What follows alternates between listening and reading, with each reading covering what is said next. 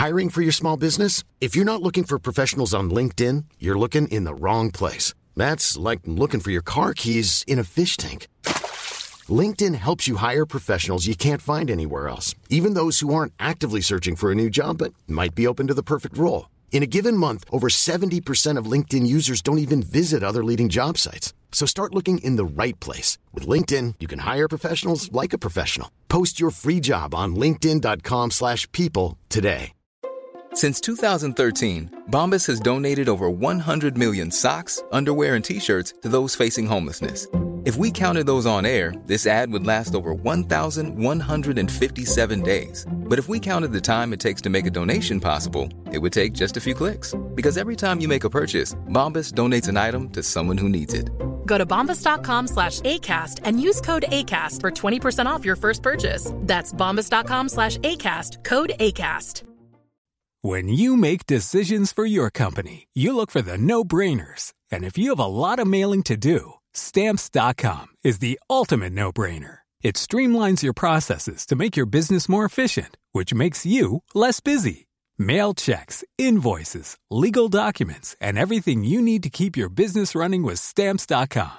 Seamlessly connect with every major marketplace and shopping cart. Schedule package pickups and see your cheapest and fastest shipping options from different carriers. With rates up to 89% off USPS and UPS rates. And with the Stamps.com mobile app, you can take care of mailing and shipping wherever you are. Make the same no brainer decision as over 1 million other businesses with Stamps.com. Sign up with Code PROGRAM for a four week trial, plus free postage and a free digital scale. No long term commitments or contracts. That's Stamps.com. Code PROGRAM. Ett, två, tre, klapp. Vi har aldrig varit så matchade. Ja, och där förstördes det direkt. Förlåt. Jag skojar.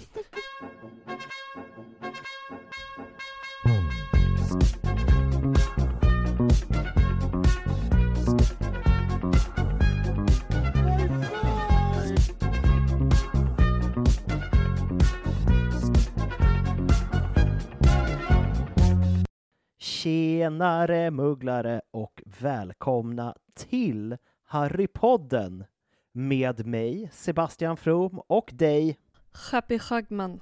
Förlåt. Jag vet inte varför jag... Happy Schagman. Jag vet oftast inte varför saker sker. Nej, det är ju ofta så att saker bara händer i ens liv. Ja, jag vet. Och tyvärr kommer det ut ur mig som nästan, nästan som tics. Faktiskt. Ja, minitics. Ja, tyvärr mest med munnen. Jag hade Ibland ska man vara tyst. jag kan inte bättre.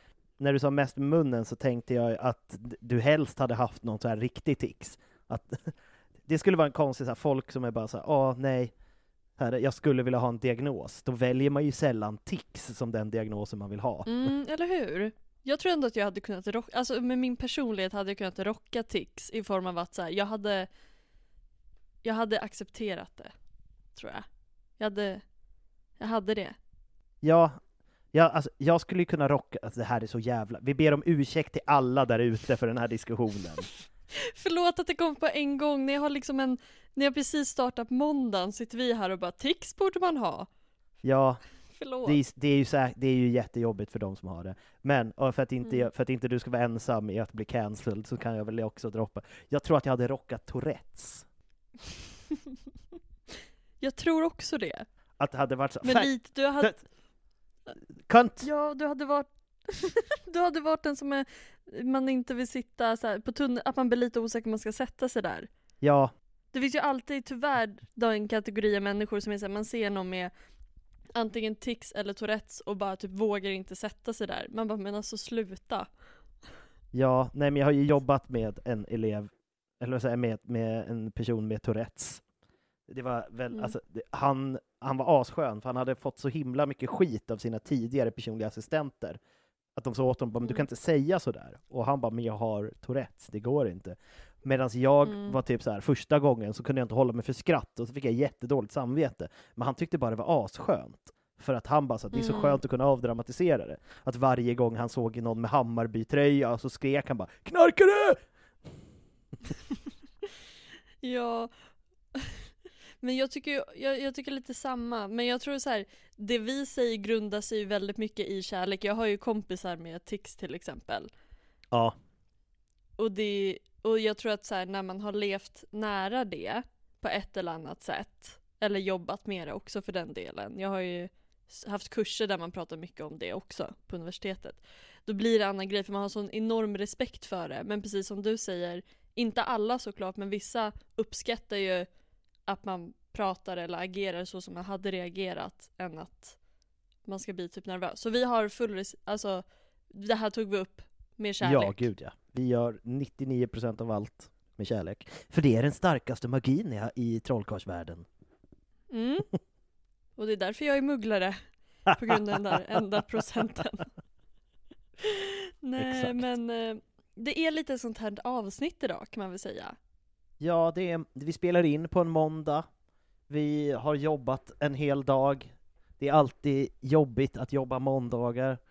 Jag tycker det, mina måndagar är alltid rätt kaos för att vi börjar med idrott och min, den klassen jag jobbar med rätt stökiga på idrotten och sen går vi direkt till biblioteket och den klassen jag är med är Mm. rätt stökiga i biblioteket så att jag kommer liksom Mm. in och så här, mellan åtta och tio har jag totalt kaos.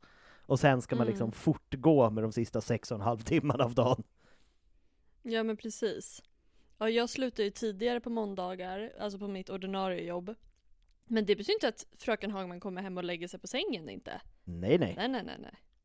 Nej så jag har suttit med mina jävla kort nu, eh, som jag älskar. Och sen så har jag pluggat och så har jag hållit på. Så jag känner mig också ganska trött i huvudet och jag har inte varit social med någon på några timmar. Jag har liksom Nej. bara pratat med kollegor idag. Ja, men det gör någonting. Jag har knappt ens pratat med kollegor, för att min närmaste kollega har fått corona. Det trodde man inte fanns Mm. längre, men han har fått det. Så att jag liksom, och Mm. min andra närmaste kollega, han slutade vid tre. Så det var jag och en vikarie, och han är jättetrevlig, men jag hade inte ork att liksom hänga med honom. Så att jag Mm. satt och diskuterade religion med ett gäng kids istället. Nice. Mm. Det är spännande. De har ju precis insett att Sebastian vet allt. Och då är det så här, det är några som är muslimer och några som är kristna och väldigt religiösa, men de, eftersom de är barn så har de inte så jättebra koll på sin religion. Så de frågar mig. Och jag sitter där och är liksom ett orakel och bara, men varför gör vi så här i min religion? Jag bara, men det är på grund av det här och det här, och det här är den religiösa tolkningen och det här är den teologiska, lite mer forskningstolkningen till varför man gör så, som inte har med religion att göra, bla bla bla bla. Mm. Det tycker de är intressant. Snyggt. Snyggt, snyggt, snyggt. Ehm, mm. Och Mm. nu ska vi liksom få gått oss i typ, ja det blir i alla fall en timme tror jag. Ja, Så ska vi prata om två ämnen som går ganska nära in på varandra men det är ändå en skillnad och det är ju fanteorier och headcanons. Och fanteorier, rätta mig om jag har fel min älskade poddkollega. Alltså fanteorier, det är ju saker som ändå har lite grund på något sätt. Typ såhär, det här kan man tolka som det här. Medan headcanons är någonting som ett fan exempelvis skapar själv. Eh, exempelvis så här, jag läste någon som var typ Harry tycker om att läsa men inte vilka böcker som helst utan bara det han är jättefokus, alltså intresserad av. ja men precis. Alltså, fanteorier är ju saker, och de var ju som störst innan bokserien var klar.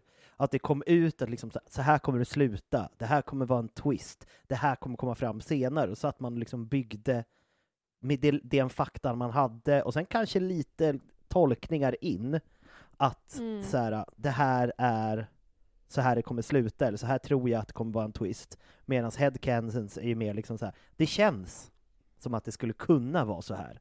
Jag vill att det ska vara så här. I mitt huvud Mm. är det så här.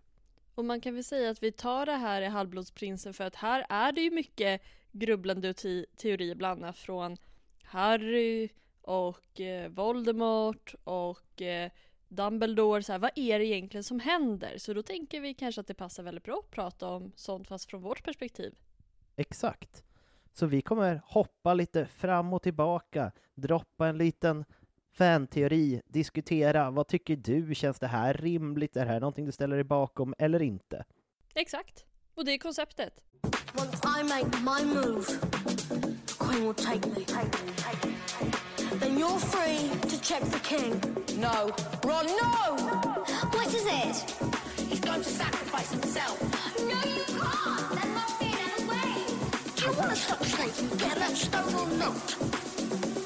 Harry, it's you that has to go on. I know it. Not me, not Hermione. Men vill du börja hoppa in med en fanteori som du har forskat lite på? Alltså, jag tycker, jag jobbade, forska och forska. Alltså jag kommer börja, alltså jag gör inte sånt. Eh, och jag tror att jag börjar med en som jag inte riktigt vet om man kan koppla så, eh, som liksom Harry Potter fanteori på det sättet, kan man väl säga. Men att Mary Poppins har gått på Hogwarts. Ah, den gillar jag. Mm, för om man tänker hur hon är och vad hon gör, jag är inte själv ett jättestort Mary Poppins-fan liksom, men hon kan ju flyga lite med sin, med sin um, umbrella, uh, vad heter umbrella på svenska? Paraply. Mhm, vad kul. Det kommer inte jag ihåg. Du I'm so international. I lived in the, ja, I lived in the USNA for a year, so now I can only talk English. Um, en viss stereotyp av människor är så. Ah, Ehm, de är jobbiga. Ja, jag hatar dem. Men nu ska vi inte gotta oss i det. Nu ska vi gotta oss i Mary Poppins. För att hon är som hon är, hon är ju magisk. Men Mm. jag tror inte det sägs någon gång att hon är en häxa. Då borde ju hon liksom ha gått på Hogwarts. Och Ja. då vill jag på det lägga att jag tror att hon i så fall en del eller släkt med Bones. Ah, hon, det, det är någonting du har hittat, kastat in själv. Men det, Japp. det tycker jag är kul, för det har jag gjort på en här. Att jag liksom läst en teori, och sen så är jag bara Spännande. Jag har en egen take på det. Mm. Precis. Men- Men gud vad intressant. Jag har också fått upp den, jag har inte den på min lista, men jag har fått upp den och jag tycker, jag tycker att det känns rimligt med hela hennes för det finns ju också en teori, nu byter vi nördighet här, men det finns ju också en teori att hon är samma typ av alien som Doctor Who är. Att hon är en Time Lord. Mm, makes also a lot of sense fast de gör olika saker med sina, hur ska man säga, krafter. Precis, men att hon har, precis som The Doctor i Doctor Who, har alltid en companion av det andra könet, hon har den här sotaren, att de reser genom portaler, att det är liksom resa i tid och rum och ta med sig någon och visa något större och så vidare och så vidare. Ja, och man kan väl också säga, nej det gills inte. Men, oh, vänta, vänta, vänta, vänta, nu händer det grejer. Han som spelar Dr Who ett tag är ju samma person som spelar Barty Crouch Jr. David Tennant. David precis. Tennant. Exakt. Eh, han dör ju sen. Alltså, Mm. på riktigt så dör ju Barty Crouch Jr. Yes, Så Dr Who tar hans kropp.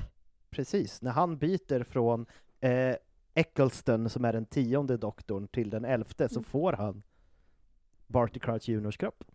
Så vi kopplar ihop allting. Ja, allt hänger ihop. Exakt. Men då ska jag ta, för jag har en lite liknande som jag fick upp här, som också Mm. knyter ihop Harry Potter-universat med ett annat universum. Mm. Det är att George Weasley Där kom den. är Willy Wonka. Mm. Mm. För att båda, alltså George Weasley är ju ganska, men han, han är en skämtare, han gillar att snickesnacka och lite sånt.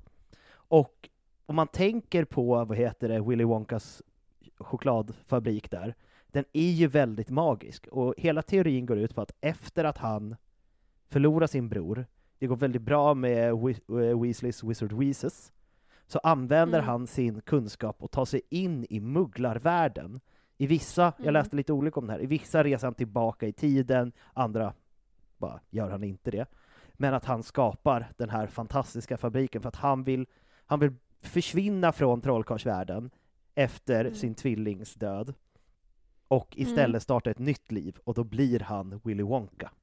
Ja, och i det, jag har också läst den, att i alla fall i gamla Willy Wonka-filmen så Ja, har han mycket 70, ja. saker, ja. att det är mycket som är halvat, att han har typ en halv klocka, en halv spegel, Ja, som att det är en halva av honom som saknas, vilket då skulle vara Fred. ja. Vad känner du om den här? Eh, jag, jag tror för det första så vet man nog för mycket om George, alltså vad som hände sen i form av att så här, men han gifte sig med Angelina Johnson och har två barn. Man Eh, kanske är en pappa som lämnar. Ja, och jag kommer komma in på det sen när vi kommer till headcanons. Oh. Så det är också en liten cliffhanger. Ehm, men Anna, jag tycker att den är så sorglig, tror Mm. jag. Att jag har svårt att acceptera den. Ja, den är för sad för, för dig och ditt, din kärlek till Weasley-tvillingarna. Ja, men ja, ja.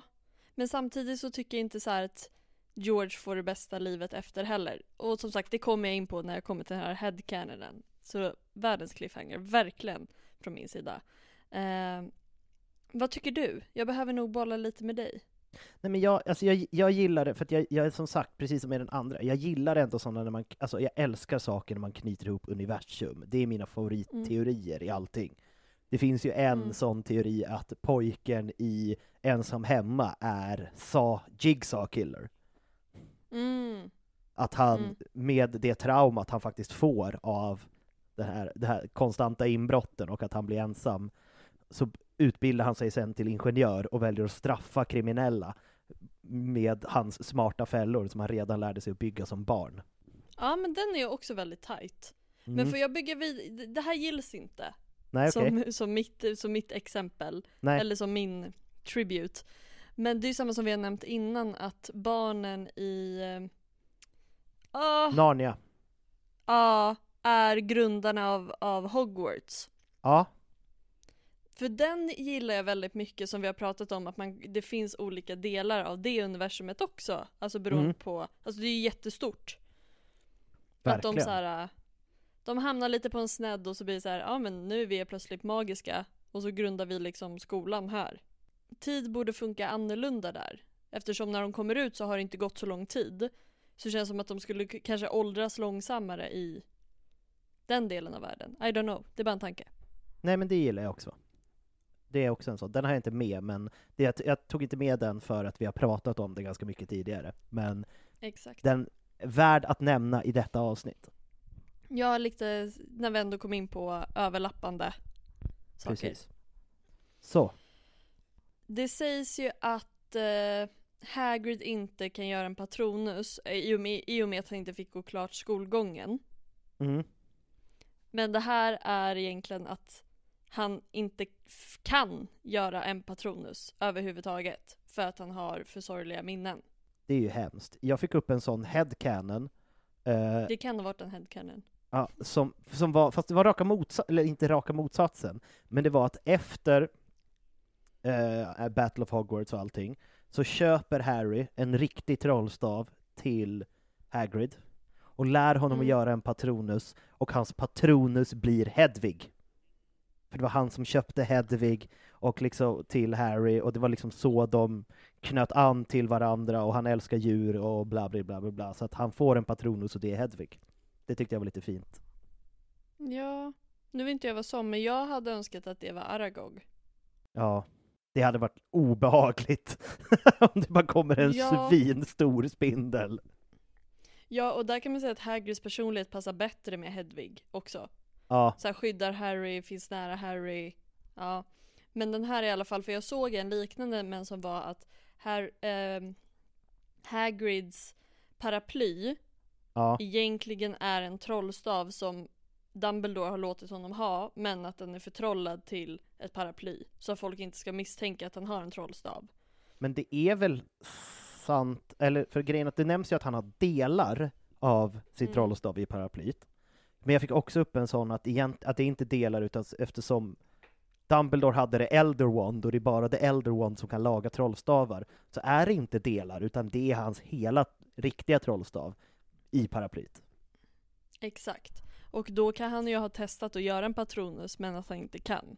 Och att det kanske inte handlar om att han inte gick klart skolan utan att för han, hans mamma dog ju, eller stack och hans pappa dog. Sen blev han utkastad från skolan. Sen har han, ja men jag vet inte riktigt vad jag tycker om den heller. Just för att jag tycker att han kanske inte är en glad individ. Men att i och med att han inte har haft det så bra, lite som Harry, att så här, då minns man de goda sakerna extra mycket. Nej men precis, och det, det tycker jag. Jag tycker att han kan. Han kan. Då är frågan, jag har så många, men jag tar bara den som alla tar, kör, eller en av de största. Det är den Mm. klassiska, allt är påhittat. Är det inte Matilda som tycker om den? Jo, det är Matilda som tycker om den. Att allting är i Harrys huvud på grund av att hans, den psykiska misshandel han får av, av Dursleys, så skapar han en fantasivärld i huvudet. Eh, och, och det leder till att allt, som sagt, ingenting finns på riktigt. Och allting, ja, och Rowling hon har, hon har, hon har inte sagt att det är så. Men hon har inte sagt att det inte är sant heller. Nej. Nej, och jag tänker också så här, i alla fall i filmen, jag kommer inte ihåg hur det var i boken, för det var så otroligt länge sedan vi läste den nu. Men att han leker ju med så här tennsoldater, alltså folk Ja. som sitter på hästar bland annat, tror jag. Mm. Och han sitter ju sen på vingfåle. Ja. Att, det är, bara lite han. så. Ja, och det finns ju en sån, också så sad headcanon grej som går in i den här teorin, att Harry sitter på ett sjukhus och pratar Mm. med en läkare, som då Mm. spelas av Ray Fiennes, alltså han som spelar Voldemort, och bara försöker förklara för honom att det här är vanföreställningar, det här finns inte på Mm. riktigt. Och då tar Harry upp en penna och skriker Expelliarmus och så tar han en kvast, hoppar ut genom fönstret, ramlar ner och dör. Ja, den är ju den mörkaste. Ja. Som vi, vi har, den har vi också nämnt någon gång. Mm. Men också då om man skulle applicera den som du tog upp nu med att allt är påhittat. För jag tänker, eh, gud, Vernon är ju så här stor, har valrossmustasch typ, eller hur? Mm. Han har mustasch. Och så här Ja. en väldigt stor. Att Hagrid skulle i så fall symbolisera en god Vernon. Precis. Liksom, och Hermione och Ron skulle vara liksom Dudley. Och kanske, alltså att man kan koppla väldigt mycket så här vännen man aldrig fick, men också typ så här. ja, mycket sånt. Ja, och Petunia kanske typ McGonagall, eller någon, Mm. ja. Nej men det är sad. Någon som är hård men, eh, någon som är hård men eh, är på hans sida liksom. Ja, eller Molly, liksom så här, den modersfigur som han ville ha men aldrig fick. Mm. Wow vad mörkt det blev fort. Blev väldigt mörkt. Hoppa in med någon lite gladare nu. Ja, och den här kan vi... Nej, vilken ska jag ta då som är, som är positiv? Jo, men jag tar den här. För du sa ju att allting är påhittat. Ja, Då vänder jag det till the opposite. Det är tvärtom från påhittat och J.K. Rowling är Rita Skeeter som har skrivit ihop det här fast i mugglarvärlden för att hon har lämnat trollkarlsvärlden för att hon är Rita Skeeter. den gillar jag. Den hade jag också på min och den tycker jag är fantastisk. För det Mm. ge- ger ju verkligen oss där ute någonting fantastiskt. Att det bara så här, det är på riktigt. Mm. Men fatta vad coolt. Det, liksom, den är ju mer positiv. Det är den verkligen. Och det, den, den ger så mycket. Och sen har jag inget mer på just den. Utan det är ju bara Rita Skeeter är JK. Ja. Om folk är folk, då har vi ju en till väldigt känd fanteori som jag kan hoppa in på. Att Ron är Dumbledore. Ja jag vet, jag såg det, jag visste inte, jag, jag fick sånt känslomässigt så här, äh, känslomässig förvirring. Mm. För det, det, den började, det här är riktigt gammal, den kom redan 2004. För då är det så här, ja, nu ska jag läsa lite till här. Om schackspelet i, i Sorcerer's Stone är en metafor för serien i sin helhet, och de bitar karaktärerna spelar en metafor för deras roller i serien, Mm. så är ju Ron Weasley riddaren, men också kungen, det vill säga samma roll som Albus Dumbledore spelade i första trollkarlskriget. Och också Mm. den här vänskapliga handen och liksom det här mentorskapet eh, med, eh, som de har till varandra. Men också hans kärlek för sötsaker. Både Ron älskar ju att äta och Dumbledore har en fantastisk kärlek till små saker. Det finns också sådana här små grejer som Dumbledores långa fingrar pratas det om, och Ron förklaras att han har stora händer. Så tänk dig när han blir gammal med sina stora händer och börjar bli så här gamlingssmal, så måste han ju få väldigt Mm. långa fingrar. Också så här, eh, vad heter det, de sjunger i Weasley is our king, Mm. den som Draco sjunger. För det första sjunger den Weasley is our king, kungen, tillbaka där. Men också så eh, använder de ordet bin, alltså som soptunna. Men här är det så Mm. supernördigt som folk. Att bin kommer ju från binär. Det vill säga Mm. tudelad eller dubbel. Det vill säga att nu är han en och sen blir han någon annan. Att han liksom återföds som Dumbledore när han åker tillbaka i tiden för att hjälpa Harry. Och så vidare, Mm. och så vidare. Ja, en poäng där också är ju att han får ju, det, heter den The Illuminator? Delum- Deluminator. Deluminator, exakt. Jag bara, Illuminator känns konstigt. Men han får ju den typ som att Dumbledore visste att han skulle tappa sin väg. Mm. För han har redan levt det. Det tycker, förlåt, jag fick en gig-förfrågan samtidigt. Så jag måste ah, bara, då? eh, något företagsgig. Nice. Så, vart var vi? Förlåt. Weasley is our king, att han är Dumbledore, just det. Ja, exakt. Och att han får Deluminatorn för att Dumbledore redan vet att han kommer att tappa sin väg. Ja, och att det kanske är där han inser att jag kommer behöva vara liksom the deluminator för Harry i hans liv. För ifall han tappar sin Mm. väg så är det jag som ska få honom på rätt väg. Ah, jag gillar den, men den är också svår. Ja, men allting som är som förändrar så mycket är ju svårt för oss nördar. Det är ju det. Mm, precis. Ska jag dra en då? Kör en. Ja. Den här är väldigt simpel, men jag vet inte, det var som en polett föll ner, även om vi har diskuterat det här så många gånger och vi har läst fanfiction om det, att Draco hade, alltså var kär i Hermione. Ja, men den hade jag också. Mm. Och liksom det, och det var som att jag bara, ja. Alltså tänk dig, han har blivit så här, inte hjärntvättad men typ, sen födsel om att så här, det är fel att vara mugglafödd och pure blood, superior, Superiority och allt sånt hemskt Mm. som de håller på med. exakt. Och så kommer en söt, nej hon, hon är ju liksom inte så söt egentligen. Alltså, hon hon har haft en resa med sitt utseende även i böckerna. Ja, För det blir ju väldigt tydligt att när det är julbal man bara aha, är hon tjej? Typ så reagerar. Ron och Harry liksom. Men att han tycker om henne, han får ju inte tycka om henne. Alltså utefter vad han är uppvuxen med. Och det är fel hus. Och vad ska han göra? Alltså det blir verkligen så här uh, boy tease girl stämning. verkligen. Och jag tror att verkligen där i trean, när hon nitar honom, alltså det, Mm. tänd, det tänder ju till. Det gör det ju för, för unge här, unge herr Malfoy. Ja, han tvättar inte sitt ansikte på en vecka. Nej. Och det, som sagt, det är, det är, alla nördar älskar ju det här. Det är därför så här, Hermione är liksom det största i fanfic-världen någonsin. Ja, och liksom det kan ju också förklara varför han, han, alltså hur lojal är han egentligen mot Harry när han inte avslöjar att det är Harry i dödsreplikerna och hur mycket är det kanske i, för att han vill vara lojal mot Hermione. Ja, men det kanske är liksom så här en spegling mot Snape och hans kärlek till Lily som också var mugglarfödd. Och att Mm. han böt sida, inte för att han tyckte att liksom den goda sidan var god, utan på grund av kärlek. Att Mm. Draco gör samma sak, att han byter sida för att han inser att okej, om Harry dör, då kommer de ju slakta alla, och då kommer hon också bli slaktad, så det är därför han byter sida där. Precis.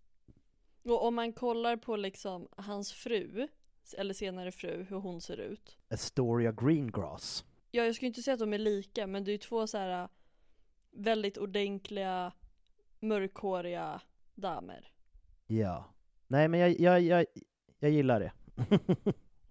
Ja, nu känner jag att vi väck- väcker hela Draco Talk från 2020. det gör vi rätt i. Men när vi är inne på Draco, då ska jag ta en till av de största. Mm. Draco är en varulv. Au! Jag, fick till med, jag vet inte om den finns kvar, jag kanske ska dubbelkolla, för att när jag hittar den här fanteorin så finns, ska det tydligen till och med finnas en hemsida som heter dracomalfoyisawerewolf.com. Jag måste bara kolla om den fortfarande oh är uppe. god. Nej, tyvärr, den är inte det. Ja, för jag, jag såg den lite fort och så kände jag så här, det här är så flummigt att jag släpper det på en gång. Men grejen är att den är inte så flummig. För att för den här kom ju ut i samband med eh, just boken vi är på, sexan. För att Mm. det nämns inte riktigt. I filmen visar han ju sitt Dark Mark i slutet där. Men i boken Mm. gör han inte riktigt det. Och det pratas bara om att han har någonting på underarmen och att han, han på, det är någon så förändring, han är stressad. Och det nämns ju också, Fenrir Grårygg nämns ju hela tiden. Och han används ju för att bita barn till de som inte lyder. Så hela teorin Mm. går ut på att när Lucius misslyckas att ta profetian så straffar Voldemort Lucius genom att få Draco att bli biten. Mm. Och det är det han har på underarmen. Och han försöker spela lite cool med det, men han mår väldigt dåligt av det. Och det fin Ja.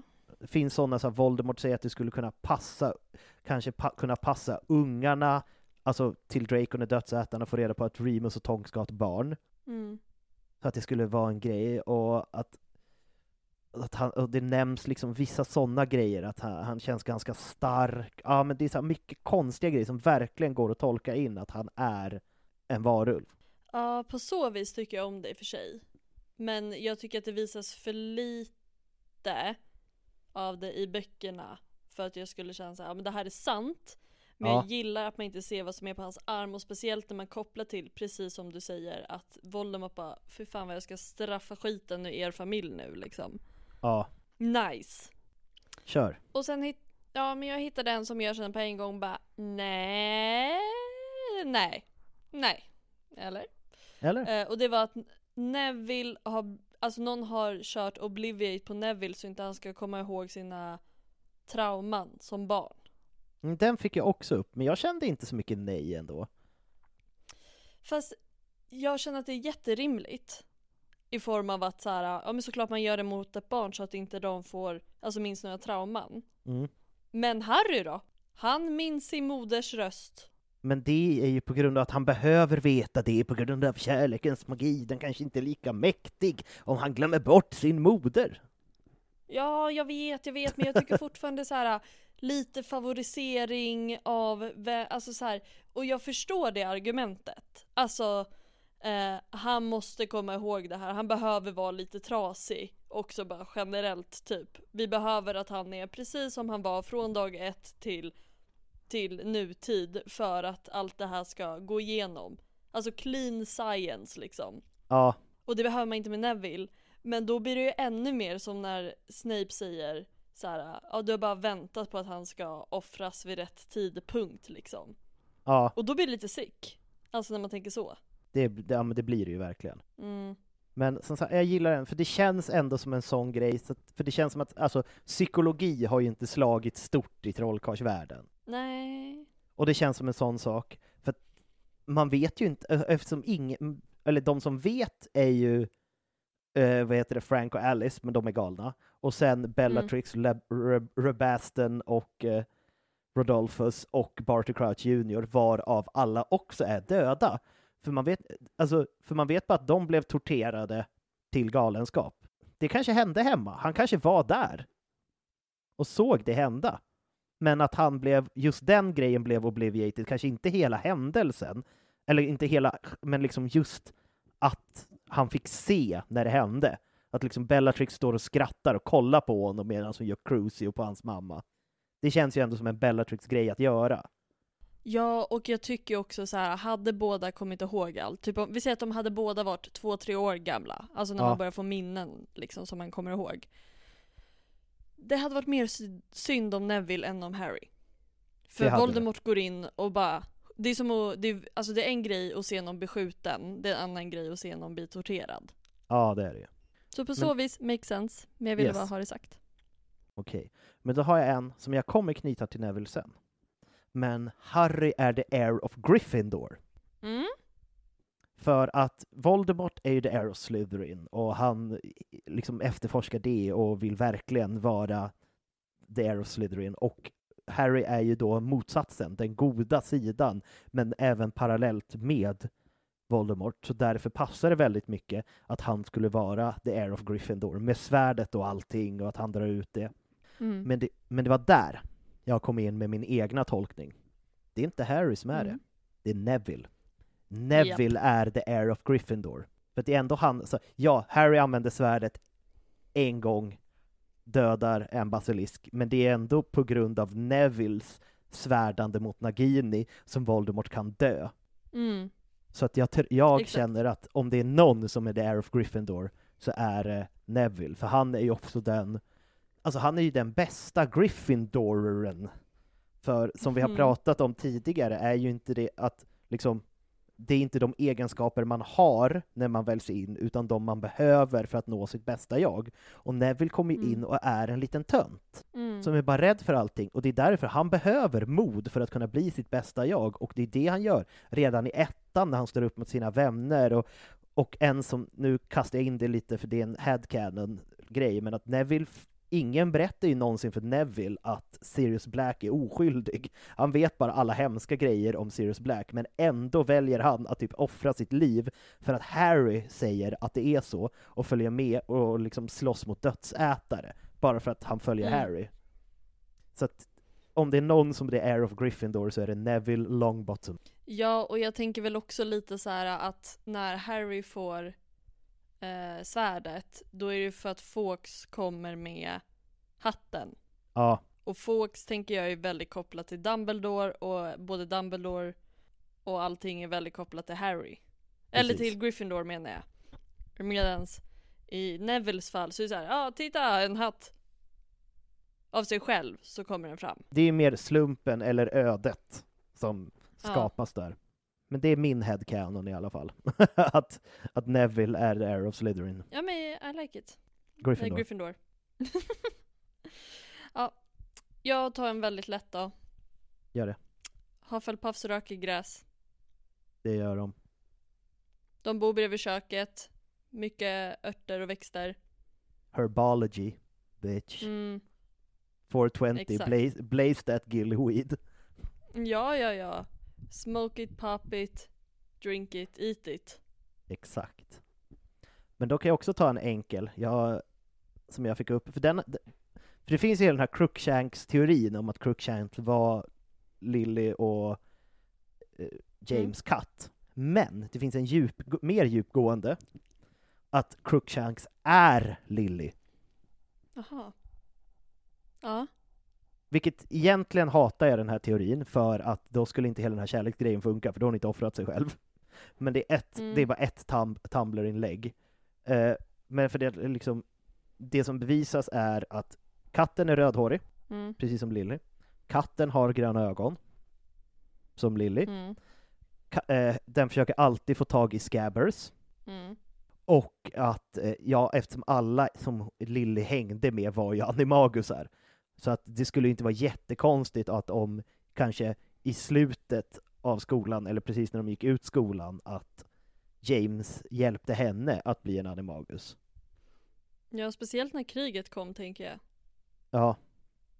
Det finns till och med Eh. en fanfiction om det här, Mhm. som heter The Mother Who Lived. Som handlar om henne som katt. Ja, Aha. men som sagt, det blir ju lite bökigt med hela offra sig för kärlek-grejen. Men alltså jag Ja. gillar den, men jag tror inte på det. Men jag gillar det. Nej. Jag har, då bollar jag vidare på den då. Mm. Crookshanks är Regulus. Den har jag också hört. Ja, för Regulus är i, i lejonets tecken. Han, eh, Crookshanks. Hiring for your small business? If you're not looking for professionals on LinkedIn, you're looking in the wrong place. That's like looking for your car keys in a fish tank. LinkedIn helps you hire professionals you can't find anywhere else, even those who aren't actively searching for a new job but might be open to the perfect role. In a given month, over 70% of LinkedIn users don't even visit other leading job sites. So start looking in the right place. With LinkedIn, you can hire professionals like a professional. Post your free job on linkedin.com/people slash people today. Hey Dave, Yeah, Randy. since we founded Bombus, we've always said our socks, underwear, and t shirts are super soft. Any new ideas? Maybe sublimely soft. Or disgustingly cozy? Wait, what? I got it. Bombas. Absurdly comfortable essentials for yourself And for those facing homelessness. because one purchased equals one donated. Wow, did we just write an ad? Yes. Bombas. Big comfort for everyone. Go to bombas.com slash ACAST and use code ACAST for 20% off your first purchase. Ser ut som ett lejon och är en katt. Men då är det också så här. Då ska ju han ha tagit sig ut från grottan. Som katt antagligen. Ja, Precis som sin helt... bror som flydde som hund. Och när två bråkar väldigt mycket och inte gillar varandra, då brukar man säga att de är Hund och katt! mm. Och vad var Sirius? Hund. Ja. Gud, läxförhör. Nej, men det, det känns, känns toppen. Ja, jag tänker Regulus har koll på alla dödsätare, kommer ut därifrån, har försöker förstöra halsbandet, det går inte men han har det. Och säkert så här vill ändå hålla sig anonym i Ja, alla fall. för att dödsätarna kommer döda honom. Ja, exakt. Samt att Hermione skaffar katten år tre va? Ja, Och då har det redan varit två Voldemort-försök. Och Precis. Lucius har varit en del av det. Så ordet lär så här, gå runt så här. vi försöker få tillbaka The Dark Lord. Och då känner man kanske som Regulus, ah, men jag stannar som katt. ja sna snacket går i Nocturne Alley. det ja gör men det. precis. Sen kan jag tänka mig att han typ, om han är på Grimaldiplan och ingen är där så är han kanske sig själv. Bara för att försöka lista ut mer om halsbandet. Ja, och den enda som vet är Creature och han har sagt du får inte berätta. Och då kan inte Creature för att han är en husalv, så det är magi. Alltså, Creature är ju the official XOXO Gossip Girl. Gud ja. Sitter på alla hemligheter.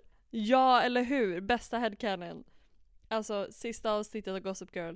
Det är egentligen bara Creature. Så fort han Visst är- får en liten chans att eh, förtälla någon så gör han det. Men Exakt. annars, han sitter på allt. Mm. Jag har en till när vi ändå är inne på liksom Marauders era stämning. Åh, nice. Harry och Hermione är syskon. Jag hörde den då! Att, att hon är den liksom hemliga dottern för att, att de är tvåäggstvillingar. Mm. och att hon blev bortadopterad till andra trollkarlar för att det var hela det här att de höll på att gömma sig. Mm. Att, och så här, det finns tre stycken saker som den här, för det var någon som skrev det på Reddit, eh, nej på Tumblr menar jag, som alla de här teorierna kommer ifrån oftast, 2005. Och liksom bevisen är Hermiones övergripande beteende med Harry, ibland avslutar de varandras meningar, lite som Fred och George Mm. eh, när Rita Skeeters artikel Harry Potters hemliga hjärtesorg kom ut om henne, så tyckte hon bara att det var rätt kul. För i den här Mm. teorin antar jag att hon också vet det här. Mhm. Och, och att hon visste, alltså hon visste väldigt mycket om trollkarlsvärlden när hon kom. För att vara mugglafödd. Mm. Ja, hon säger att hon har läst böcker och bla bla bla bla bla. Hon visste också väldigt mycket om Harry när hon kommer Mm. till Hogwarts. Hon har lite för mycket kunskap för att så här, vara en vanlig mugglarfödding. Ja, alltså jag köper nästan mer den här, nu ska man säga teorin med att hon inte vet. Att det var liksom Mm. att de får veta så här, ja men Harry kanske blir utvald som the chosen one, att Voldemort kommer välja honom. Bara, ja men Hermione, om hon hette det då, eh, har ingenting med det här att göra. Så vi kan i alla fall rädda ett barn genom att bara skjutsa undan det. Typ. Ja. Alltså ge bort, eh, inte ge bort, adoptera bort. Eh, och sen liksom bara att hon har lätt för magi för att hon faktiskt inte är mugglafödd egentligen. Att det sitter Ja. lite i generna. Eh, och sen som vi säger avsluta varandras meningar. Skulle vara rimligt att de skulle döpa sitt andra barn till Hermione för då blir det Harry och Hermione. Alltså HH. Det är väldigt lika. Ja, ja, det, är två, det är ett bra Mm. tvillingparsnamn liksom. Exakt. Inte prompt att det var HH. Eh, kommer på. Eh, oh my god. Ja. Nej, men ja, jag kan köpa det, men också väldigt svårt. Ja, Klassiker att eh, Dean och Seamus är någonting mer, eller blir någonting mer än bara vänner. Och jag vet inte, den här kan man ju placera som en headcanon. ja, Men också då som vissa gör som en teori att de hänger alltid ihop de har jättebra kemi, bla bla bla bla. Det, jag, jag gillar det. Mm, Men jag det- tycker de men det- passar jättebra. Men det känns också, alltså nu ska jag inte piss on your parade, men det känns som att Harry, Harry Potter-fandoms ständiga sökande efter ett gaypar gör ju Mm. att alla kan vara ett gaypar. Ja, så är det ju. Verkligen. Eh, men eh, ja. Och det är väl lite det jag satt och tänkte på det så här, men Remus och Sirius, Dino och Seamus, båda de här duosarna Ja, är ganska lika. Alltså Remus och Dean, alltså ganska typ lugna, ja, eh, lite så här Dark Academian typer. Och sen så har vi Sirius och Seamus som kanske är lite mer all over the place. Lite mer precis. att, att jag tror att man väljer de här duosarna för att de är lika och man säger så här, men de är gay och de är gay, de är i alla fall kära i varandra liksom. Ja. ja, den här var lite rolig. Mm. Att Dumbledore använder chokladkorten för att liksom spionera och veta så mycket, för Dumbledore vet ju allt. Han är ju överallt. Mm. Men det är också för att han, det nämns ju, det är typ det vanligaste chokladkortet man får. Alla har typ fyra stycken. mm. Och att han kan använda dem som är lite så här att han går in i chokladkorten och Mm. kan lyssna på när folk pratar och vara liksom över hela England lite då och då. För han är ju också så här, Mm. han är ju bara ett kort åt gången. Mm. Och att han använder dem för att liksom ta reda på saker och spionera. Men då tycker jag att de andra borde kunna göra det också. Lite som tavlorna. Ja, men jag tänker att eftersom tavlorna kan ju flytta på sig när det bara är när de är döda och faktiskt är tavlor. Men att Ja. Dumbledore kanske, eftersom han är så mäktig, att han på något sätt kan liksom ta sig in i taveluniversat med magi och liksom hoppa runt där. Och det är taveluniversumet som är kopplat till Narnia. Ja, det tror jag säkert. Mm. Bara en sån sak. Mm. Jag börjar liksom, det börjar sina hos mig på, jag satsade ju mer på headcanons va? Men ska jag, har du någon mer eller ska jag bara köra? Kör på Mr From. Men när vi ändå pratar lite om det, om tavlor och sånt. Det här är en fanteori som eh, också så här, som jag bara bestämde att det stämmer. För att de, de fyra grundarna representerar de fyra länderna i Storbritannien. Mhm. Att Godric Gryffindor, den stora lejonet, det är England. Mm. Att Rowena, den kloka Rowena Ravenclaw är Skottland. Mhm. Att Helga Hufflepuff är Wales och Salazar Slytherin är eh, Irland. Och det som, för, förutom färgerna, att så här, blått är ganska vanligt förekommande i, eh, det finns ju i den skotska flaggan. Att i en, i en ganska tidig walesisk flagga som hette St. Davis flag så var Wales flagga gul. Irlands flagga är grön och Englands flagga är röd. Så man har redan färgerna och det finns lite egenskaper om man kollar på liksom den stora krigarnationen England och Skottland med liksom Glasgow och Edinburgh, det finns universitet, det är mycket tänkare som kommer därifrån och Wales som är det här lite småflummiga extralandet och Irland Mm. som är Irland med liksom ormarna och vad heter det, St. Patrick som jagade ut alla ormar, alltså det finns en ormkoppling Mm. i Irland och, och sånt. Mm. Vad Mm. känner du om det? Jag kan tänka mig att JK hade kunnat göra något sånt. Ja, Men jag tycker också att det inte var... Eller så här, jag kände att när du... Jag förstår vad du menar med universiteten och så här. Men... ja Skottland jag, är den svagaste. Ja, och då kände jag lite så här. Jag tycker inte det symboliserar Rowena något särskilt. Eller Ravenclaw något särskilt. Cho Chang, Skottland. Ja, vad bra. En person som en gång var med. Eh, nej men, nej men jag, jag kan tänka mig att hon kunde ha hämtat typ färgerna och lite någon sån slags inspiration. Men jag tyckte inte den var jättestark. Nej, det är okej. Jag gillar den. Tack.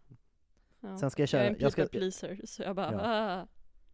jag tänker, jag ska avsluta med den största, så nu ska jag gå med no- några kortare. Eh, eh, det finns en teori om quidditch-reglerna, för det är ju en standardgrej som många Potterheads, ä- även jag ibland kan bli irriterad på hur dumt det är med hela Golden Snitch-regeln, att det är liksom, ja, Mm. Vi har gjort liksom 11 mål, det är så 11-0.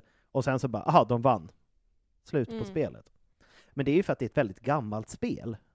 Och att kvastarna var inte så bra när quidditch skapades. Så att, att faktiskt få tag i kvicken var så jävla svårt. Och det är också därför när man kollar historiskt att det var matcher som höll på i flera månader. För att Mm. Liksom kvasttekniken hade inte kommit så långt. Och att nu har reglerna bara inte uppdaterats med nu när det finns här Nimbus 2001 och Firebolts och sådana superkvastar. Att Det är bara att liksom Mm. regelsystemet och poängsystemet har inte hängt med teknologin. Ja men jag kan köpa det. Alltså att det blir lite som hand... Nej inte som handboll såklart, men att det hinner svänga mycket mer poängmässigt för att spelet är egentligen att kasta bollarna och så får man bara lov att få tag på snitchen eller den gyllene kvicken när man får chansen typ. Precis. Mm. Eh, en annan som jag inte alls gillar, men det, är också, det blir lite det här speglande Harry och Voldemort, att Ginny använde arm amortentia mot Harry. Ja jag såg det. För att hon var ju förälskad i honom redan från början, och han såg inte henne, och sen Särskilt om man kollar på filmerna där inte hon har någon personlighet så blir det ett ganska snabbt byte från att han inte Mm. bryr sig om henne till att han är kär i henne. Mm. Och att någon gång på i kråkboet så har hon bara smugit ner lite kärleksdryck. Och det är ju faktiskt i sexan man ser hur både Ginny och Hermione står och kollar på kärleksdrycker på Mm. Weasleys Wizard Weezes. Ännu sagt, roligare då om man kopplar ihop med det du sa för några avsnitt sen att det som finns på Weasleys affär att Mm. den egentligen är fake ja, deras amortensia att hon köper den och tror att den har funkat ja, fast egentligen så är det bara typ att om man ska koppla istället till lite manifestation och så positivt tänkande så eftersom hon är så säker på att den har funkat så kanske hon utstrålar lite mer som får Harry att reagera lite mer. ja. Men det, det, som sagt, det finns ju någonting där, men det är inte så bra. Nej. Men en annan, Luna Lovegood, är en eh, seer, och hon vet allt, men hon pratar så mycket i gåtor, så att hon berättar redan allting som ska hända, men ingen förstår henne. Mm. För, till, för men som sagt, till exempel Xe- Xenophilius Lovegood berättar ju för dem om liksom de tre bröderna, och Luna berättar för, för Harry om testralerna, saker som ingen tror på, men som visar sig Mm. vara sanna. Och till exempel nämner hon en gång att så här, eh, Fudge gör, eh, vad heter det, Goblin Pies. Men det Mm. kanske är att hon har sett att, hon, att eh, vad heter det, ministeriet duckar för dödsätarna och deras slakt mot magiska varelser, så de, som de ser under dem. Att det var det Mm. hon skulle säga. Men eftersom hon är en seer med lite flummigt huvud så säger hon det på, i liksom ett kodspråk istället. Ja, ja, den där såg jag också. Mm. Jag tycker den är helt okej. Och Mm, den- speciellt om man tänker att hon kanske inte riktigt har koll på att hon är det heller. Nej men precis. Tycker jag om mer. Att det blir såhär, de Ja. gör pajar av det. Och sen visar det sig att hon har rätt, typ. Mm. Mm. En annan som jag kändes nästan lite nästan för sann för att vara en fan-teori. Arthur Weasley byggde den där magiska klockan de har. Ja det är en självklar typ känner jag. Ja, för att han älskar att experimentera med mugglarföremål, typ den flygande bilen. Och att, och att eh, Molly är ju ganska stressad person. Så att han eh, byggde den här klockan, för det finns ju ingen annan. Det finns ju inte att köpa någonstans. Det nämns bara att det finns en där. Och att det var Mm. att han byggde den och experimenterade med liksom mugglarartefakter för att han, frugan skulle vara lite lugn. Att hon skulle få Ja. lugn och ro. Ja men jag tycker att den är spot on. Och en annan härlig Weasley-teori, att både Bill och Percy fick också använda time turners. Ja det har vi nämnt. Mm. Att, och även Barty Crouch Jr. Mm. För de, var, Precis. de, var, de var, fick använda det innan, för, för då är de enda eleverna som nämnt som har klarat 12 owls. Och Hermione, hon hade ju svårt att klara 11. Mm. Hon klarar 11, men det är liksom, hon håller på att stressa ihjäl sig. Men att Mm. de tre klarar 12 när hon är liksom den bästa häxan någonsin. så Mm. känns det som att det finns lite tidsresemygel i bakgrunden. Ja. Det kan jag skriva under på. Och sen en till klassiker. Eh, Dursleys är elaka, PGA Harry är en horocrux. Klassiker. Ja. Och som sagt, de, som man ser i när Ron har på sig horocrux-halsbandet, hur han blir helt irrationell och otrevlig och sånt, och att de är ju i ständig kontakt med en horocrux. Först 11 år i sträck, och sen lite då och då varje så, och det är därför också det blir lite bättre sen mot slutet, för då är han borta mer, han är borta mer på somrarna hos, eh, eh vad heter det, Weasley och han är på skolan. Det är därför de liksom, You're not a waste of space och Petunia landar lite i Mm. att, att han inte är dum inuti huvudet för att de har inte samma kontakt med horcruxen längre. Ja, den gillar jag. Och sen, den här tänker jag bara säga snabbt, för den har vi sagt tidigare, men Voldemorts Polyjuice Potion-plan i fyran. Mm. Exakt. Enligt, enligt den här teorin är det Voldemort själv som ska ta Polyjuice Potion och eh, ta sig till Hogwarts, men jag gillar mer våran när vi pratar om det, att det är Peter Pettigrew. För att han har ju Mm. varit nära, han har ju varit råttan, han har varit nära, han vet hur Hermione och Ron fungerar och sett, sett Ron växa upp. Att han, efter de har dödat Harry, ska han ta Polyjuice Potion, åka tillbaka och liksom snacka med Barty Crouch Jr. och bara nu kör vi, nu Mm. gör vi kaos på Hogwarts. Exakt. Ja, Och- men den tycker jag om. Och sen den sista. som Den stora. Är, den stora. Dumbledore är döden. Mm. För att i berättelsen om de tre bröderna så får ju de tre artefakter. The Elder Wand, The Resurrection Stone and The Cloak of Invisibility. Och det är ju tre personer som har de här artefakterna. Voldemort Mm. har, får ju The Elder Wand för att han vill söka makt och han dör. Mm. Snape få- eh, representerar den andra brodern. Han har aldrig riktigt i Resurrection Stone, men de håller på att pilla på ringen, så han har ju den under korta perioder. Och Mm. han, han vill ju ha tillbaka sin älskade, precis som den andra Mm. brodern. Och den tredje brodern vill bara undfly döden. Och den enda som har alla tre artefakter är ju Dumbledore. Mm. Han har ju alla tre. Och att han representerar döden i den här nya versionen av The Tale of the Three Brothers med Snape, Voldemort och Harry. Jo men jag tycker väl också om den. Jag tycker att det blir lite typ inte lång, men det är ju Snape som är svårast. För så här, ja men Voldemort, alltså karaktärsmässigt tycker jag det funkar så här, ja men Voldemort vill ha makt. Eh, Snape vill bli älskad av Lily som inte, som både är död och Ja. också inte älskar honom tillbaka på samma sätt. Och så Harry som bara, kan ni låta mig vara i fred ett tag och låta mig leva? Så på den delen tycker jag att det funkar väldigt bra. Men Snape är svårast att få in i den. För han vill ju men han har ju inte stenen på samma sätt som exempelvis Voldemort har, ring, har trollstaven. Nej, det är sant. Mm. Men ändå, jag gillar den. Mm. Kör, kör lite headcanons nu. Jag har också några, men jag har säkert samma som dig. Så jag tänker att du kan få köra en liten snabb genomgång och sen tar jag om jag har någon kvar. Ja men jag har ganska många. och några har jag liksom fått inspiration av internet, intranätet och andra så har jag bara tänkt själv. Men har första. egna? Fan vad nice. Ja, ja men jag tänkte, för jag vill utmana vårt tänkande lite så jag gjorde så. Vissa står jag inte bakom och vissa står jag Mm. bakom. Kör. Molly dansar med Harry på hans bröllop en gång för henne, alltså som Molly, Ja, och en gång för Lily.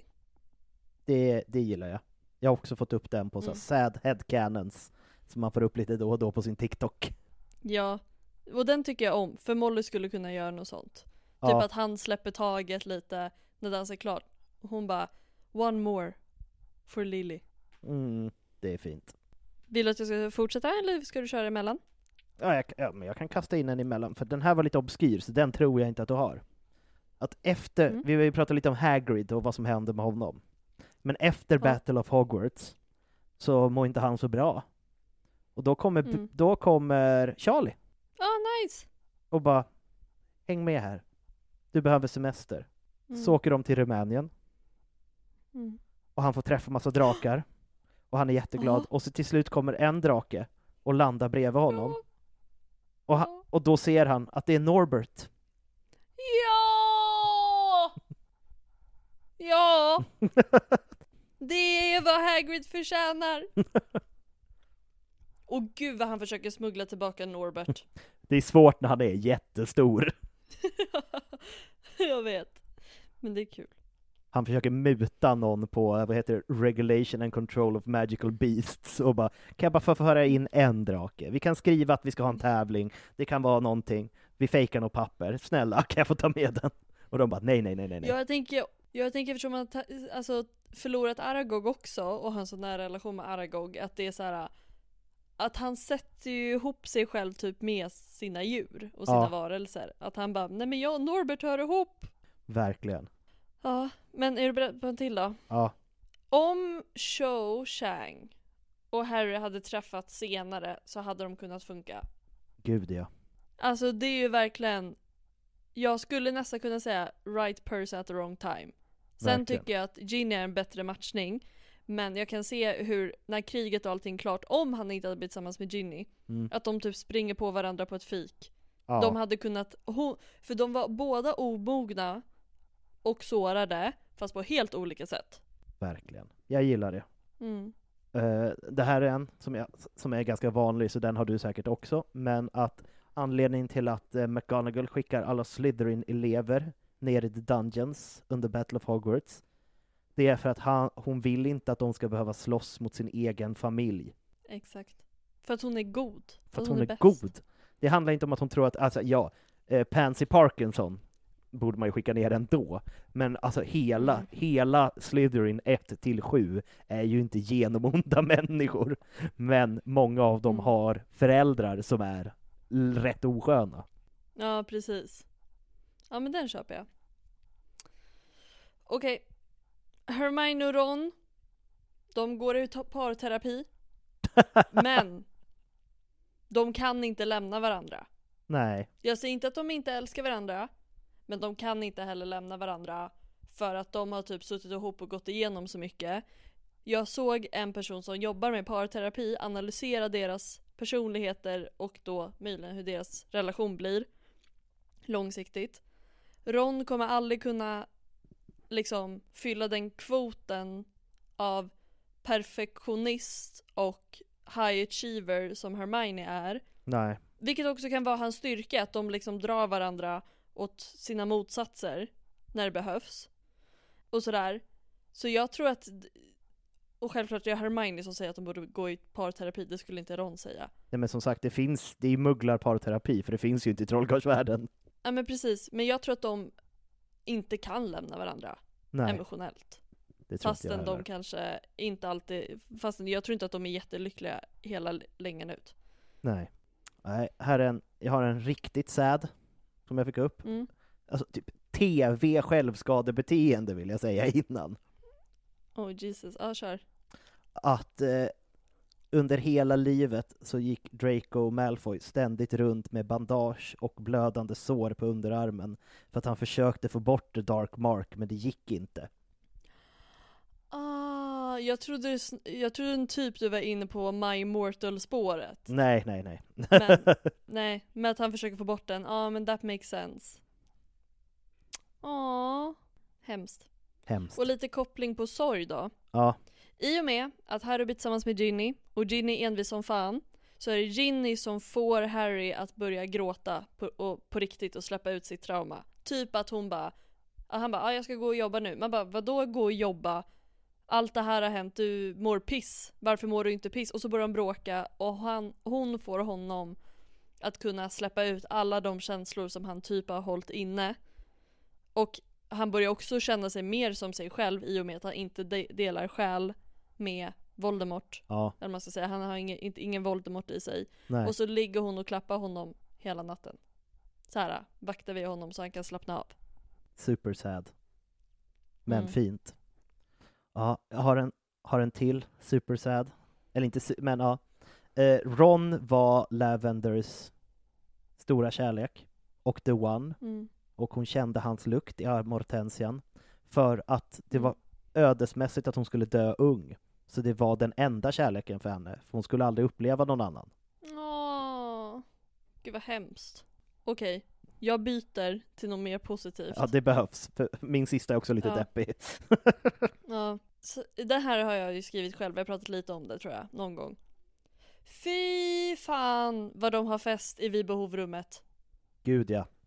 Alltså det är ju där det händer. När de väl såhär, typ Hufflepuff och Ravenclaw bara, ja men vi kör mix-up, mash-up, fest. De bara, vi ses vid behovrummet.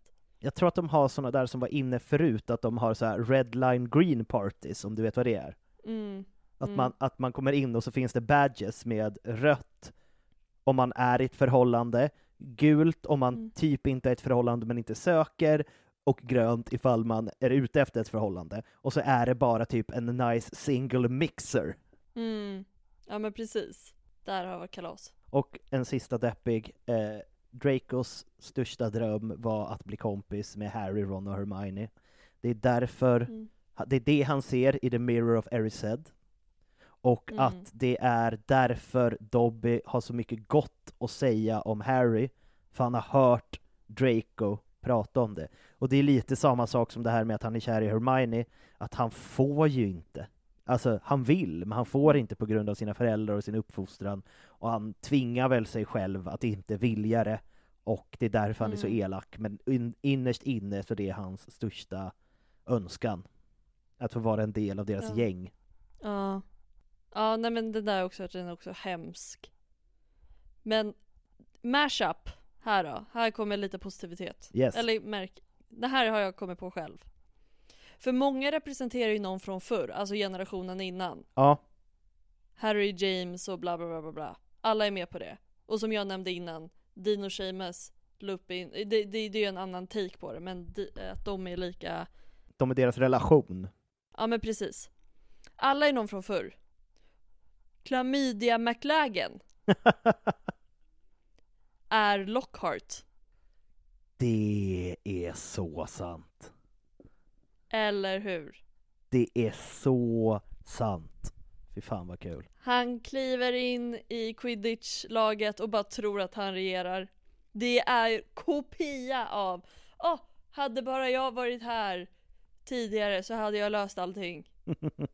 ja, jag, Jag, tror på det. Jag tror också på det. Det är bara att köra på, för nu har jag slut. Det här är väl lite deppig. Och det är också så här build-up till vårt eh, kommande avsnitt som kommer nästa vecka. Oh. Jag tänker lite att Bellatrix gör allt för bekräftelse medan Lucius hardcore tror på den onda sidan av Pure Blood. Att hon liksom från barnsben har lärt sig liksom såklart att så här, ja, Pure Blood är the shit to be. Men att hon egentligen bara har under så många års tid märkt att när jag gör så här får jag den här uppmärksamheten från typ både min familj och det här umgänget. Mm. Att det successivt, jag säger inte, och hon tycker om det. Ja, Så att ju mer hon gör, och det går liksom från en bekräftelsegrej till att hon bara gör sjuka saker. men det är som eh, om, man kollar, om man kollar på 90-talets naziströrelse. Då var majorit- majoriteten av liksom skinheadsen som sprang runt på plattan och slogs, de var Mm. ju inte trogna nazister. De ville bara slåss och gillade att känna sig coola. Och sen var det några Mm. enstaka som faktiskt trodde på nazismen. Att hon var kanske lite mer en sån som hon gillade att slåss och ville få uppmärksamhet och ville känna sig tuff och stor. Och sen Mm. vad hon gjorde det för var kanske inte så viktigt i början. Sen kanske hon blev mer och Mm. mer övertygad, särskilt som vi kommer gå in på i nästa avsnitt. När liksom Voldemort plockade upp henne och liksom lärde upp Mm. henne. Det var kanske där hon blev mer liksom trogen. Men i början var det mest att hon gillade att veva. Ja men också där till exempel, där får hon ju också bekräftelse att hon gör någonting rätt. Ja, När Voldemort plockar upp. Men det ska, kan vi prata mer om också när vi kommer till nästa veckans avsnitt som är om The Black Sisters. Men jag fortsätter framåt här. ja, Under en period av förvirring i livet och ensamhet av olika anledningar så testade Dumbledore och McGonagall att kyssas men bröt ut i skratt. det tror jag på. Jag tror, Eller hur? Så här, jag tror att han är 100% gay, absolut. Men att han liksom Ja, det gick åt helvete med personen han älskade. Ja, men han är ju rätt, alltså, alltså det känns som att han är, nu ska vi försöka, demisexuell. Som är Mm. det är en, en del av asexualitet, där man egentligen bara blir sexuellt attraherad av dem som man känner en stark, starka känslor för. Så att han är Mm. ju homoromantisk och demisexuell. För det känns, han har Mm. det är inte som att han har varit med någon annan snubbe. Utan det var ju Nej. bara Grindelwald för honom. Och då Mm. tänkte han bara så här, ja, jag har inte varit attraherad av någon annan, så att ah, man kan ju testa. Ja. Så den eh, tror du på? Ja, Mm. Jag fortsätter på Dumbledores spåret och häng med nu, för den här skrev jag också, den innan skrev jag själv. Många har jag skrivit själv fan. Eh, och så häng med för jag är inte bäst på att formulera mig. Dumbledore är god för att han egentligen är världens narcissist. Och när han inte kunde vara ondast, för det var ju Grindelwald, så valde han att vara godast. var godast. För, och försöka bräcka Grindelwald i form av jag är så god att jag slår dig. För det är svårare att bräcka någon som redan är ondast. Det låter helt rätt. För Dumbledore är ju lite av en, alltså han vill ju vara, alltså han är ju som Voldemort och som Grindelwald. Han sökte ju kunskap, han ville bli mäktigast av alla. Och Mm. jag tror att innan Grindelwald blev superond så såg han väl det lite som så här. Han var väl jävligt gråzon, att han bara så här. nej men jag ser inte mörk magi och ljus magi utan jag ser bara allt som makt. Och sen så kom Mm. Grindelwald och bara mörk magi, och då var han så här, fan, du var bäst på det där, ja men då får jag ju välja det andra. Mm. Precis. Jag tror fan det. Ja. Och speciellt när man ser också hur han, hur han är i böckerna liksom. Ja, Han är ju inte alltid den goda, godaste på det sättet liksom. nej. Eh, Okej. Har Angelina kallad, kallat, det här är hela min tankegång. Har Angelina kallat George för Fred? Vad hände? Och sen landade i George är fine med att vara ett substitut Mm. för Fred och generellt. För vi får inte heller aldrig någonsin veta om han dejtar någon annan och typ vem han går på det julbal med. Nej. Åh, den, alltså det är så svårt. Jag tror också, alltså för jag tror att han är fine med att vara ett substitut för Fred. Men jag tror också att han Mm. började gråta när hon sa det. Inte för att hon sa fel namn, utan för att han bara så här, fan, jag tänkte inte på honom just nu. Var du tvungen Mm. att få mig att börja tänka på honom igen? Exakt. Ehm, och jag tror också det. Och där vill jag koppla till det här som du sa med Willy Wonka. Willy, Willy Wonka. Att eh, det kanske är där han bara, jag drar. Jag taggar. Ja, han blir påmind en gång för många gånger, eller hon sa fel en gång för mycket. Ja, Typ. Ehm, och sen också, den här är lite flummig. Jag kan tänka mig att någon gång, exempelvis när de står och väntar på Harry i första boken, alternativt någon annan gång, typ när de reste genom Albanien, så försökte Quirrell leka gissa vad jag ser, och att Voldemort fick påminna honom att de ser åt varsitt håll. Eh, den är kul. Men jag tror inte Voldemort gillar att leka lekar. Nej, jag tror att den tog slut ganska så fort där.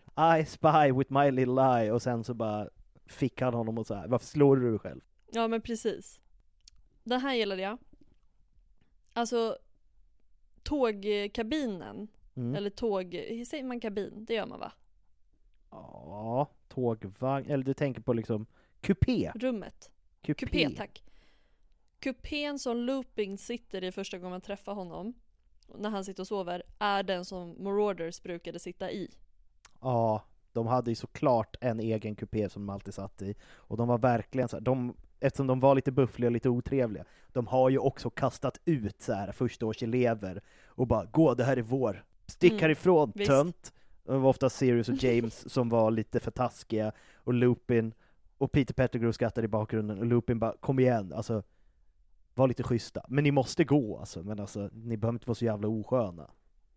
Ja, Mm. ja. Och sen, jag har ju egentligen fler, men jag känner att de inte riktigt kvalificerar in. Så jag avslutar med att säga, jag tror att under någon period så har McGonagall och Pomfrey bott tillsammans. Kanske för att McGonagall eh, inte hade någonstans att bo. Eller någonting sånt. Någon gång har de levt typ ett samboliv. Som vänner. Ja, och det var mycket vin på sena kvällar och snacka skit. Exakt. 100%. Så det var en hel del här. Det var en hel del. Blev, ett- Mm. jag tror att det här blev ett väldigt roligt avsnitt för våra kära lyssnare där ute. Mm, jag hoppas det. Jag hade väldigt kul. Jag hade också väldigt kul. Men eh, om ni gillar oss så får ni jättegärna följa oss på Instagram. Där heter vi Harrypodden. Och om man gillar oss extra mycket så kan man skänka en liten slant på Patreon för att få lite extra material. Ni kan få lyssna på det- den här podden reklamfri. Vi släpper väldigt sporadiskt eh, Patreon-podden 9 och tre kvart där vi pratar om liv och känslor och oss. Eh, vi har även Harry Poddens karaktärsbibliotek, den väldigt dåligt döpta extrapodden där vi går igenom mindre karaktärer som förtjänar plats men kanske inte får plats i ett större avsnitt. Och sen är det bara väldigt Mm. mysigt där inne. Ni gör också så att vi Ja. har råd att köpa bättre grejer. Jag har ju äntligen beställt eh, Cards Against Muggles så att det kommer nog komma snart, så då ska vi spela det i podden. För er som inte vet så är det som Cards Against Humanity, det väldigt icke-PK-spelet, fast med en Harry Potter-twist. Så det kanske får bli ett Patreon-exklusivt för att det kommer vara för mycket fula ord. Mhm, Och o- om man gillar dig så får man jättegärna följa dig på Happy Hagman med två N. Och om man tycker att jag verkar lite rolig eller bara gillar pinnar så kan man följa mig på en riktigt bra pinne. Och Exakt. viktigast av allt, på torsdag efter det här släpps så är både du och jag på Westside Comedy. Jag är MC, Master of Cer- Ceremonies, och du är bara en skön jävla komiker. Och vi, Jag är Happy Hagman. du är Happy Hagman och kvällens headliner är Özz Nujen. Så gå in på Westside Comedy och köp biljetter så kan du få se oss och öss. Och det kommer vara fett med ös. Ooh. Och med de orden har vi varit Harrypodden. Puss och hej! Puss och hej!